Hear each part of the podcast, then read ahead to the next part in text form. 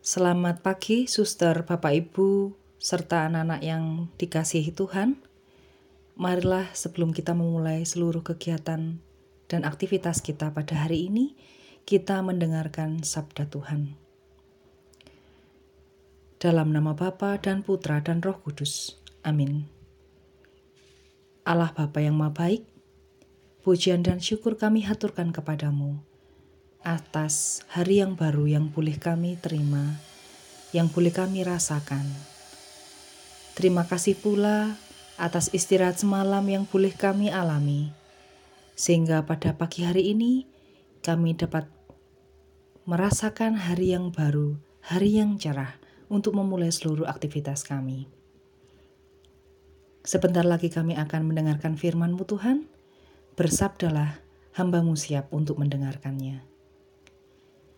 Inilah Injil Yesus Kristus menurut Matius. Dimuliakanlah Tuhan. Sekali peristiwa, setelah mengenyangkan orang banyak dengan roti, Yesus segera menyuruh murid-muridnya naik perahu dan mendahulunya ke seberang, sementara ia menyuruh orang banyak pulang. Dan setelah orang banyak itu disuruh pergi, Yesus mendaki bukit untuk berdoa seorang diri. Ketika hari sudah malam, ia seorang diri di situ.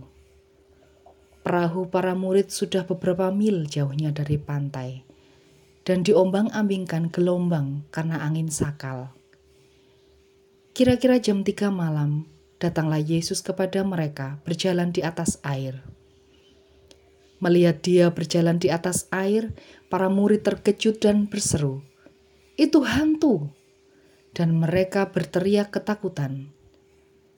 Tetapi Yesus segera menyapa mereka, katanya, "Tenanglah, akulah ini, jangan takut." Lalu Petrus berseru, "Tuhan, jika benar Tuhan sendiri, suruhlah aku datang kepadamu dengan berjalan di atas air." Kata Yesus, "Datanglah." Maka Petrus turun dari perahu dan berjalan di atas air, mendapatkan Yesus. Tetapi ketika dirasakannya tiupan angin kencang, Petrus menjadi takut dan mulai tenggelam, lalu berteriak, "Tuhan, tolonglah aku!" Segera Yesus mengulurkan tangannya, memegang dia dan berkata, "Orang kurang percaya, mengapa engkau bimbang?" Keduanya lalu naik ke perahu dan redalah angin. Dan mereka yang ada di perahu menyembah dia, katanya, Sungguh, engkau anak Allah.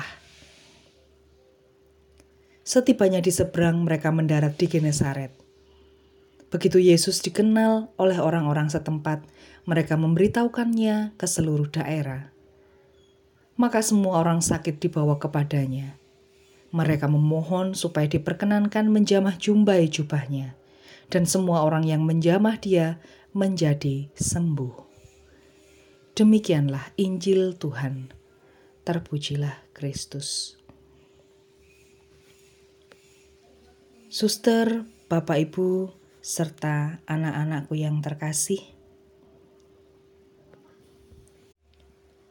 dalam perjalanan hidup kita sering kali dihadapkan pada suatu peristiwa yang membuat kita cemas, gelisah, dan kurang percaya diri. Namun, dengan iman yang teguh, kita percaya bahwa Tuhan senantiasa menyertai kita dalam situasi apa pun. Manusia sering merasa hidupnya sendiri, ia berjuang sendiri, dan bahwa Tuhan tidak pernah ada di sampingnya Bagaimana dengan pengalaman Petrus dalam bacaan Injil? Ia sempat berjalan di atas air karena ingin datang kepada Yesus. Namun, ketika diterpa angin, Petrus menjadi goyah dan takut. Ia merasa sendirian, padahal jelas-jelas Yesus ada di hadapannya. Jika kita berada di posisi Petrus, bisa jadi kita akan mengalami hal yang sama, mengingat kerapuhan kita namun, tidak baik jika kita hanya berhenti pada penyesalan semata. Kita perlu mulai menyadari dengan sungguh bahwa dalam menjalani hidup ini kita tidak pernah sendirian. Tuhan selalu hadir dengan berbagai cara, entah melalui pertolongan teman, senyuman sederhana dari orang lain, dan masih banyak lagi. Rasakanlah sapaannya yang hangat ketika kita merasa gelisah dan takut. Kepada kita ia berkata, Tenanglah, aku ini, jangan takut. Pertanyaan yang dapat memandu kita dalam permenungan ini adalah, Sudahkah kita semua menyadari pertolongan Tuhan dalam hidup kita. Amin. Marilah kita tutup dengan doa. Allah Bapa yang Maha Baik, terima kasih atas firman-Mu yang boleh kami dengarkan pada hari ini. Semoga firman-Mu ini sungguh meresap dalam hati kami, sungguh menjadi penyegaran bagi diri kami semua, bahwa kami harus menggantungkan diri kami sepenuhnya kepada Engkau, dan tidak pernah takut, dan harus merasa selalu yakin bahwa Engkau senantiasa ada di tengah-tengah kami. Dampingilah seluruh aktivitas kami pada hari ini. Amin. Dalam nama Bapa dan Putra dan Roh Kudus. Amin.